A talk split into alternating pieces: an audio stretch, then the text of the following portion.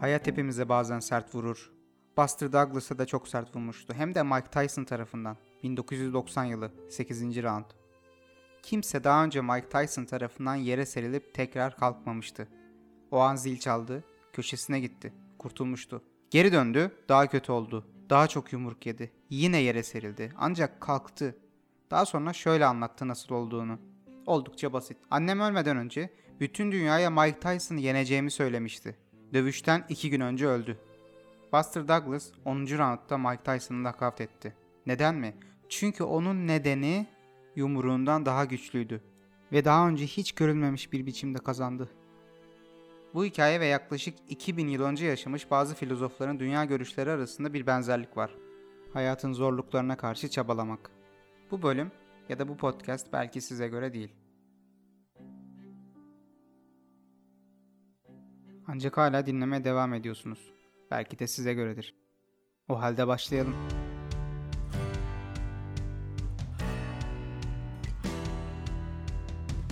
Herkese selamlar. Hayatın ve felsefenin derinliklerine daldığımız Derin Mavi Podcast'a hoş geldiniz. Ilgaz ben. Öncelikle geçmiş bölümlerle ilgili birkaç şey söylemek istiyorum. Tüm dinleyenlere teşekkür ederim. Sesle ilgili bazı problemler oldu evet farkındayım.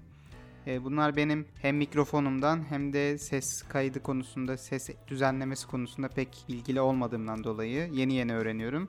Bu yüzden lütfen mazur görün. İlerideki bölümlerde buradan başlayarak düzelecektir diye düşünüyorum. Daha dikkatliyim çünkü. Onun dışında bana özelden ulaşıp geri dönüş sağlayan, eleştiri sunan, fikirlerini benimle paylaşan herkese ayrıca teşekkür ederim. Tüm görüşlerinizi ciddiyetle not ediyorum ve ilgileniyorum. Bundan sonraki bölümlerde de tüm geri dönüşlerinizi, fikirlerinizi, düşüncelerinizi, eleştirilerinizi, önerilerinizi bekliyorum. Kıbrıslı Zenon Çok zengin bir insan bir gün Akdeniz'de yolculuk yaparken tüm mal varlığını bir gemi kazasında kaybediyor. Gemi Atina yakınlarında parçalanıyor ve kendisi o civarda karaya çıkıyor. Düşünün hiçbir fikrinizin olmadığı bir şehire gidiyorsunuz. Paranız yok. Ne yapacağınızı bilmiyorsunuz. Tanıdığınız kimse yok. Yani bugün ailesinden ayrılıp üniversiteye giden her öğrenci de zaten böyle değil midir? Genellikle kimseyi ya da çok az kişiyi tanıyorsunuz. Çok az paranız var ya da hiç yok. İşte Zenon da tam böyle bir dönemdeydi. Bir kitapçıya girdi. Orada Sokrates'le ilgili bir kitap buldu. Birazcık okudu. Daha sonra kitapçıya Sokrates gibi bir adamı şehirde nasıl bulabileceğini sordu. O anda tam bir film sahnesi gibi kitapçının sahibinin tek eliyle dışarıda yürüyen bir adamı işaret ettiği söylenir. Bu adam ünlü filozof Krates'ti. Zenon hemen onun peşinden gitti. Onun derslerine katıldı, okuluna katıldı ve daha sonra kendisi bir filozof oldu. Bugün ismine Stoacılık adını verdiğimiz felsefe akımının kurucusu olarak kabul edilir. Peki bu Stoacılık nedir? Daha doğrusu önce şuna bakalım. Stoa nedir? Stoa bildiğimiz pazar yeri, yürüyüş yolu aslında. İki tarafı sütunlarla çevrili açık alan bir yol. Zenon'un öğrencileri burada tartışırlarmış. Ve bu yüzden ismi Stoacılık olarak bilinmiş. Peki bu Stoacılık nedir? Bahsedecek çok fazla alt dal var ancak biz bugün daha çok erdemlerden ve yaşam azminden bahsedeceğiz. Etrafımızdaki her şeyin bir sebep ve sonuç ağına bağlı olduğunu söylerler. Böylelikle logos ismini verdikleri rasyonel bir evren yapısı oluşmakta. Bundan bahsediyorlar. Yani olayları bu sebep sonuç çerçevesi içerisinde kontrol edemeyiz. Bu olaylar kendiliğinden gerçekleşir. Ancak olaylara karşı bakış açımızı kontrol edebiliriz. Bu felsefede 4 tane ana erdemden bahsediliyor. Peki bu 4 tane erdem nedir? Öncelikle pratik bilgelik, aşırıdan uzak durma yani ölçülülük, adalet ve cesaret. Pratik bilgelikten bahsedelim. Pratik bilgelik aslında neyin iyi veya neyin kötü olduğunu anlama, yapılması gerekenle yapılmaması gerekeni ayırt edebilme yeteneğimiz. Modernize etmek gerekirse karışık durumları hatta iş hayatını çözümleme yeteneği diyebiliriz belki. Ve bu 21. yüzyılın en önemli yeteneklerinden biri. Örneğin proje yönetimi. Forbes dergisi geleceğin en önemli 10 yeteneği arasında şu 3 yeteneği çok önemli olarak göstermiş. 1. Kritik düşünme. 2. Sorgulama. 3 karar alma. Aslında bunlar çok basit ve gerçekten çok önemli olduğunu bildiğimiz şeyler ama bunları nasıl düşündüğümüz, nasıl hayatımıza ya da nasıl iş hayatına uyguladığımız gerçekten çok önemli. 2 numaralı erdem. Aşırıdan uzak durma yani ölçülülük. Ya bu ne sağcıyız ne solcu ortacıyız değil. Aslında yaşamda öz hakimiyet kurma, kendini denetleme. Evet uçlarda yaşamamak aslında. Yani nasıl uçlarda yaşamamak? Kendini tanımak, kendi nefsini tanımak. Bununla ilgili bir orta yolu her şeyin dengesini bulmak. Stoacı filozof Epiktetos'un şöyle bir sözü var. Ne olimpiyat yarışlarında kazanılan zaferler ne de muharebelerde elde edilen galibiyetler mutlu kılar insana. Yalnızca kendi üzerinde kazandığı zaferler bahtiyar eder onu. Nefsin tuzaklarına karşı koymak en büyük savaş demektir. Bir kere, iki kere, birçok kere bozguna uğradın. Pes etme. Galip gelirsen sanki hiç yenilgi tatmamış bir insan gibi ömrün boyunca mesut olursun. 3 numaralı erdem. Adalet. Aslında adalet dediğimiz burada hakkı hak edene teslim etmek. Genel olarak düşünürsek çok basit bir kavram aslında bu ve herkes için en adaletli olanı yapmak. Bütün inanışlar, bütün düşünceler neredeyse ortak olarak şunu söylüyor. Sana yapılmasını istemediğini başkasına yapma. Bu kim olduğumuzdan bağımsız bir şekilde adalet aslında. Ön yargısız bir biçimde. Ön yargılı olmak nedir peki? Şöyle bir hikaye vardı anlatayım. 20 yaşında genç delikanlı otobüsün camından bakarken birden bağırdı. Baba, arabalar, arabaları görüyor musun? Bizle geliyorlar. Babası gülümsedi ve mutlulukla saçını okşadı. Genç bir süre daha dışarı izledi ve birden bağırdı. Bulutlar baba, bulutlar harika. Baba gülümseyerek oğlunu izledi. Baba, ağaçlar dedi. Onlar hep geride kalıyor. Arkada oturan yaşlı bir adam bu bağırışmalardan rahatsız olmuş olacak ki babanın omzuna dokundu. Beyefendi, oğlunuzu iyi bir doktora götürmelisin. Galiba problemi var. Baba geriye dönerek, o zaten iyi bir doktordan geliyor. Oğlum doğuştan görme engelliydi ve ameliyat sonrası gözleri açıldı dedi. Kimin ne hikayesi olduğunu bilemezsiniz. Hayata geniş perspektiften bakmak ve her zaman sabırlı olmak gerekir. Bu çok önemli bir erdem. 4. Cesaret. Bu cesaret kavramı bugün bir şeylere atılmak anlamında kullanılıyor olabilir. Ancak oradaki cesaret çok basit. Gündelik cesaret. Peki bu ne demek? En basitinden ünlü stoacı filozof Seneca şöyle diyor. Bazen yalnızca yaşamak bile cesaret gerektirir. Bazen kötü bir dünyada dürüst olmak cesaret gerektirir. Yani bugün politikacılardan doktorlara, iş insanlarına herkesin dürüstlüğünün ne kadar önemli olduğunu gün geçtikçe daha çok anlıyoruz. Üstelik bu sadece uzaklarda değil, ailemiz, arkadaşlarımız için de geçerli. Yine Epiktetos şöyle diyor. Samimiyet ve iyiliğin eşi benzeri bulunmayan kokuları olmalı. Öyle ki yaklaşan herkesin onları derhal algılamaktan başka seçeneği olmasın. Sahte dürüstlük gizlenmiş bir ustura gibidir. Hiçbir şey bir kurdun sahte arkadaşlığı kadar tehlikeli olamaz ve bundan uzak durmak gerekir iyi, samimi ve nazik insanlar karakterlerini herkesin görebileceği biçimde yüzlerine yansıtır diyor. Hayatta her şeyden önce kendimize karşı dürüst olmalıyız. Neden mi? Çünkü hepimiz zorluklar yaşıyoruz ve bu zorlukları inanın kabul etmek çok zor. Ve başarısızlığa kılıf uydurmak çok kolay. Bahane uydurmak çok kolay. Yapamayacağımızı düşündüğümüz şeylerden bahanelerle vazgeçmek kolay. Konfor alanımızdan çıkmaksa çok zordur.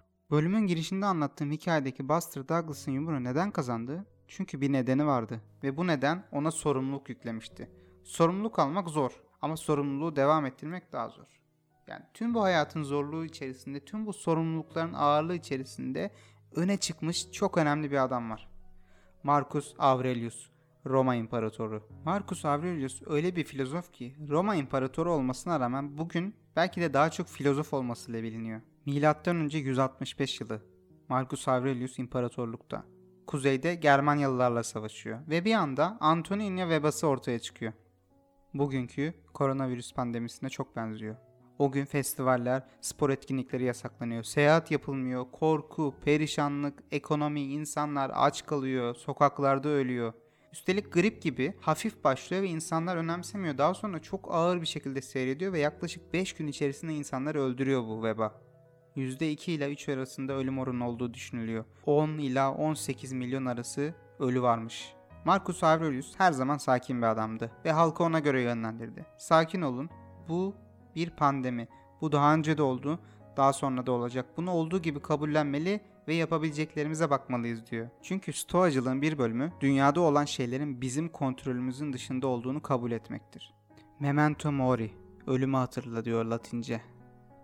Marcus Aurelius pandemi boyunca Roma'da kalıyor. Üstelik tüm zenginler, tüm varlıklı insanlar şehirden ayrılmışlarken En iyi doktorları görevlendiriyor, en iyi uzmanlarla çalışıyor ve hiç korku göstermiyor halkına.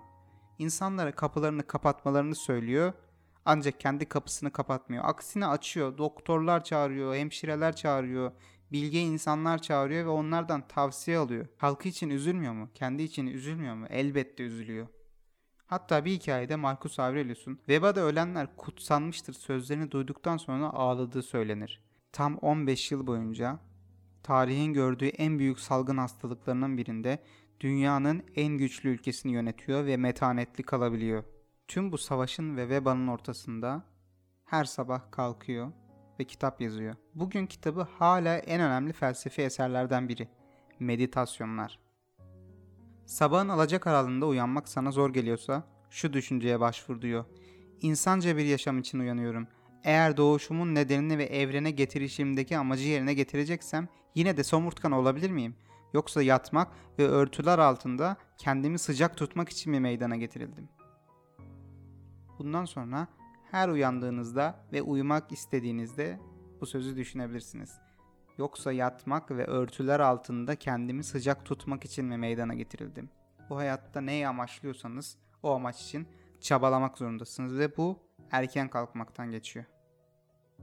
Tüm bu olumsuz koşullara rağmen üstelik ailesini kaybetmişken ve kendisi de hastayken tam 15 yıl boyunca Marcus Aurelius Veba döneminde liderlik yapıyor. Zor zamanları başarılı bir şekilde atlatıyor.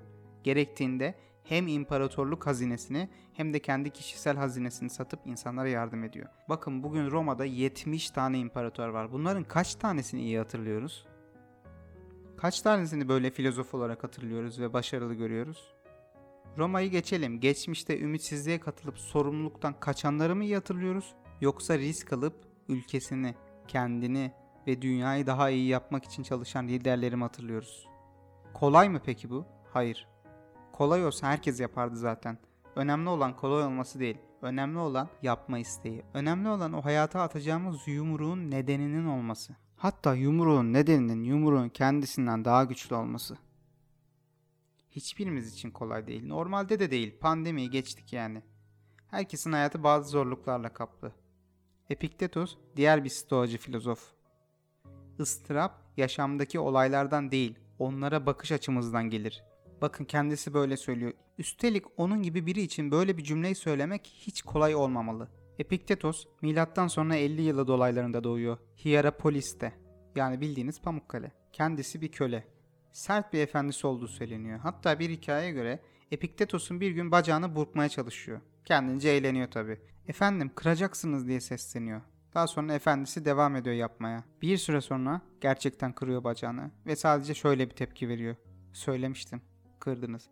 Daha sonraki zamanlarda azat ediliyor. Kendini felsefeye adıyor ve Roma'ya gidiyor. Daha sonra başka yerlere gidiyor. Gittiği yerde dersler veriyor. Öğrencilerinden birisi Düşünceler ve Sohbetler ismiyle bugün dahi çok satan bir kitap yazıyor kendisinin ismiyle. Bugün bu kitap neden çok satıyor biliyor musunuz? Çünkü Stoacılık diğer felsefi akımların aksine onlardan çok daha pratik yaşam hakkında bilgiler veriyor. Bugün 21. yüzyılın kişisel gelişim kitaplarındaki olumlama kavramı her şeye iyi bakmamızı söyleyen ve bunları iddia eden, bunların bize iyi geleceğini söyleyen kitapların yanında pratik mesajlar içeriyor. Hayat nasıl yaşanmalı gibi bazı bilgiler ve tavsiyeler veriyor ve bu yüzden tırnak içinde söylüyorum kişisel gelişim kitabı gibi kullanılıyor. Aslında özellikle son dönemde hepimizin düşündüğü ve ihtiyacı olan şeyler. Evimizdeyiz, sıkılıyoruz. Yaşam amacımızı daha çok düşünüyoruz. Korkuyoruz ve bunalıyoruz. Bu size özel bir durum değil zaten. Tüm dünyanın ortak problemi olmuş durumda. Amerika Birleşik Devletleri'nde bir araştırma yapılmış. Koronavirüs pandemisinden önce ve pandemi sürecinde insanların ne kadar depresyon semptomları gösterdiği karşılaştırılmış. Sonuçlar şöyle. Koronavirüs öncesi dönemde hiç depresyon semptomu göstermeyen insanların oranı %75.3. Korona döneminde bu oran %47.5'e kadar düşüyor. Yani %27.7'lik bir azalma söz konusu. Peki hafif depresyon semptomu gösteren insanlara bakalım. %16.2'den %24.6'ya %8.4'lük bir artış var. Son olarak çok ağır depresyon semptomu gösteren kişilere bakalım. Pandemi öncesi %0.7 yani binde 7'lik bir oranı var. Fakat pandemi esnasında bakın burası çok önemli. %5.1 İnanabiliyor musunuz? %5.1 insanların çok ağır depresyon geçiriyor. Bu araştırmanın kaynağını bölümün açıklamalar kısmına bırakacağım. Dinlediğiniz platformdan erişebilirsiniz. Tüm bu istatistikler bize şunu gösteriyor ki artık bu işe daha ciddiyetle yaklaşmalıyız. Mutluluğun, iyi hissetmenin önemi günlük yaşamımızda ve 21. yüzyılda daha çok artıyor. Daha çok baskıya maruz kalıyoruz. Daha çok kötü şey görüyoruz. Özellikle internetin yayılmasıyla beraber gerçekten zihnimizin kaldırabileceğinden çok daha fazla bilgiye maruz kalıyoruz ve bu bilgilerin birçoğu yanlış, birçoğu kötü, birçoğu kötü amaçlarla özellikle servis edilen şeyler. Aslında birçoğu da gerçekten ihtiyacımız olan, işimize yarayan şeyler. Ve bunları bu kadar bilgi içerisinden filtre etmemiz gerçekten çok zor. Bunların hepsi bizi yoruyor. Normalde hiç görmeyeceğimiz, bilmeyeceğimiz ve tanımayacağımız insanların acılarına tanık oluyoruz internette. Bu kadar fazla şeyle beraber empati yapmamız mümkün değil. Ve işin sade sosyal medya boyutu var tabi. İnsanların sürekli güzel hayatlarını paylaştığı mecralar. Onları izlemek, onları takip etmek elbette herkesin kendi içerisinde ben ne yapıyorum sorusunu sormasına sebep oluyor. Ve bu da belki bir depresyon kaynağı. Belki de bunun diğer bir sonucu olarak insanlar artık çok öfkeli farkında mısınız? Belki de hep böyleydi insanlık ancak gittikçe artan bir öfke ve nefret var. Daha fazla insanlık nereye gidiyor muhabbeti yapmanın manası yok. Ben yine tüm buradan çıkışın felsefe okumakla olduğunu düşünüyorum. Bakın stoacılar bu öfke kavramı hakkında ne düşünüyorlar? Öfke yalnızca kötü bir şey olduğunda değil, hem kötü hem beklenmedik bir şey olduğunda başımıza gelir diyorlar. Örneğin yağmur. Çok sert yağsa da öfkelenmeyiz. Çünkü beklenmedik bir şey değildir yani. Yağmur. Şöyle ekliyorlar. İhanet, ölüm, hastalık, aşağılanma, kıskançlık gibi şeyleri de beklememiz lazım hayattan. Bunlar çünkü hayatın gerçekleri. Daha doğrusu bunlar insanların gerçekleri. Bazı şeyleri olduğu gibi kabul etmemiz lazım. Elimizde değil çünkü bunlar. Hayatın gerçeklerini bilen kişi öfkelenmez diyorlar. Bakın örnek olarak Seneca'yı verebiliriz. Milattan önce 4 dolaylarında doğmuş. Bir hastalığı olduğu düşünülüyor küçükken ve bu onun hayatın kırılgan ve kısa olduğunu anlamasına yol açmış erken yaşta. Zaman üzerine çok düşünüyor ve hayatı zamanla değil yaşanmışlıkla ölçmemiz gerektiğini söylüyor. Üstelik kendisi kötü ünvana sahip İmparator Nero'nun hocası. Bir gün ihanetten yargılanınca ailesinin önünde idam edilmek için götürülüyor. Eşi ve çocukları da önünde ağlıyor tabi. Onlara dönüp yüzünde hafif bir gülümsemeyle şöyle diyor. Hayatın tamamı ağlanacak haldeyken parçalarına ağlamanın ne gereği var? Hayatı tüm yönleriyle, tüm kötülüğüyle kabul etme eylemi. Bence bu kaderci yaklaşım olmak zorunda değil. Böyle algılanmamalı. Kendini psikolojik olarak hazırlamak aksine. Yoksa gerektiğinde her şeyi itiraz edebilmeliyiz. Haksızlıklara, ihanete, adaletsizliklere ve tüm bunları gerçekleştirdiğimiz zaman elimizden geleni yapmış oluruz. Hayatı anlamak için ve sonucunda mutlu olmak için. Bunun için çok da fazla şeye ihtiyacımız yok. Kendimizi bilmemiz yeter. Marcus Aurelius şöyle diyor. Hayatı anlayabilenin mutlu olması için neredeyse hiçbir maddi şeye ihtiyacı yoktur. Stoacılardan mutluluk hakkında öğrenmemiz gereken çok fazla şey var. Çünkü bu da onların hayata karşı yumruğu. Dinlediğiniz için teşekkür ederim. Bir sonraki bölümün derinliklerinde görüşmek üzere. Hoşçakalın.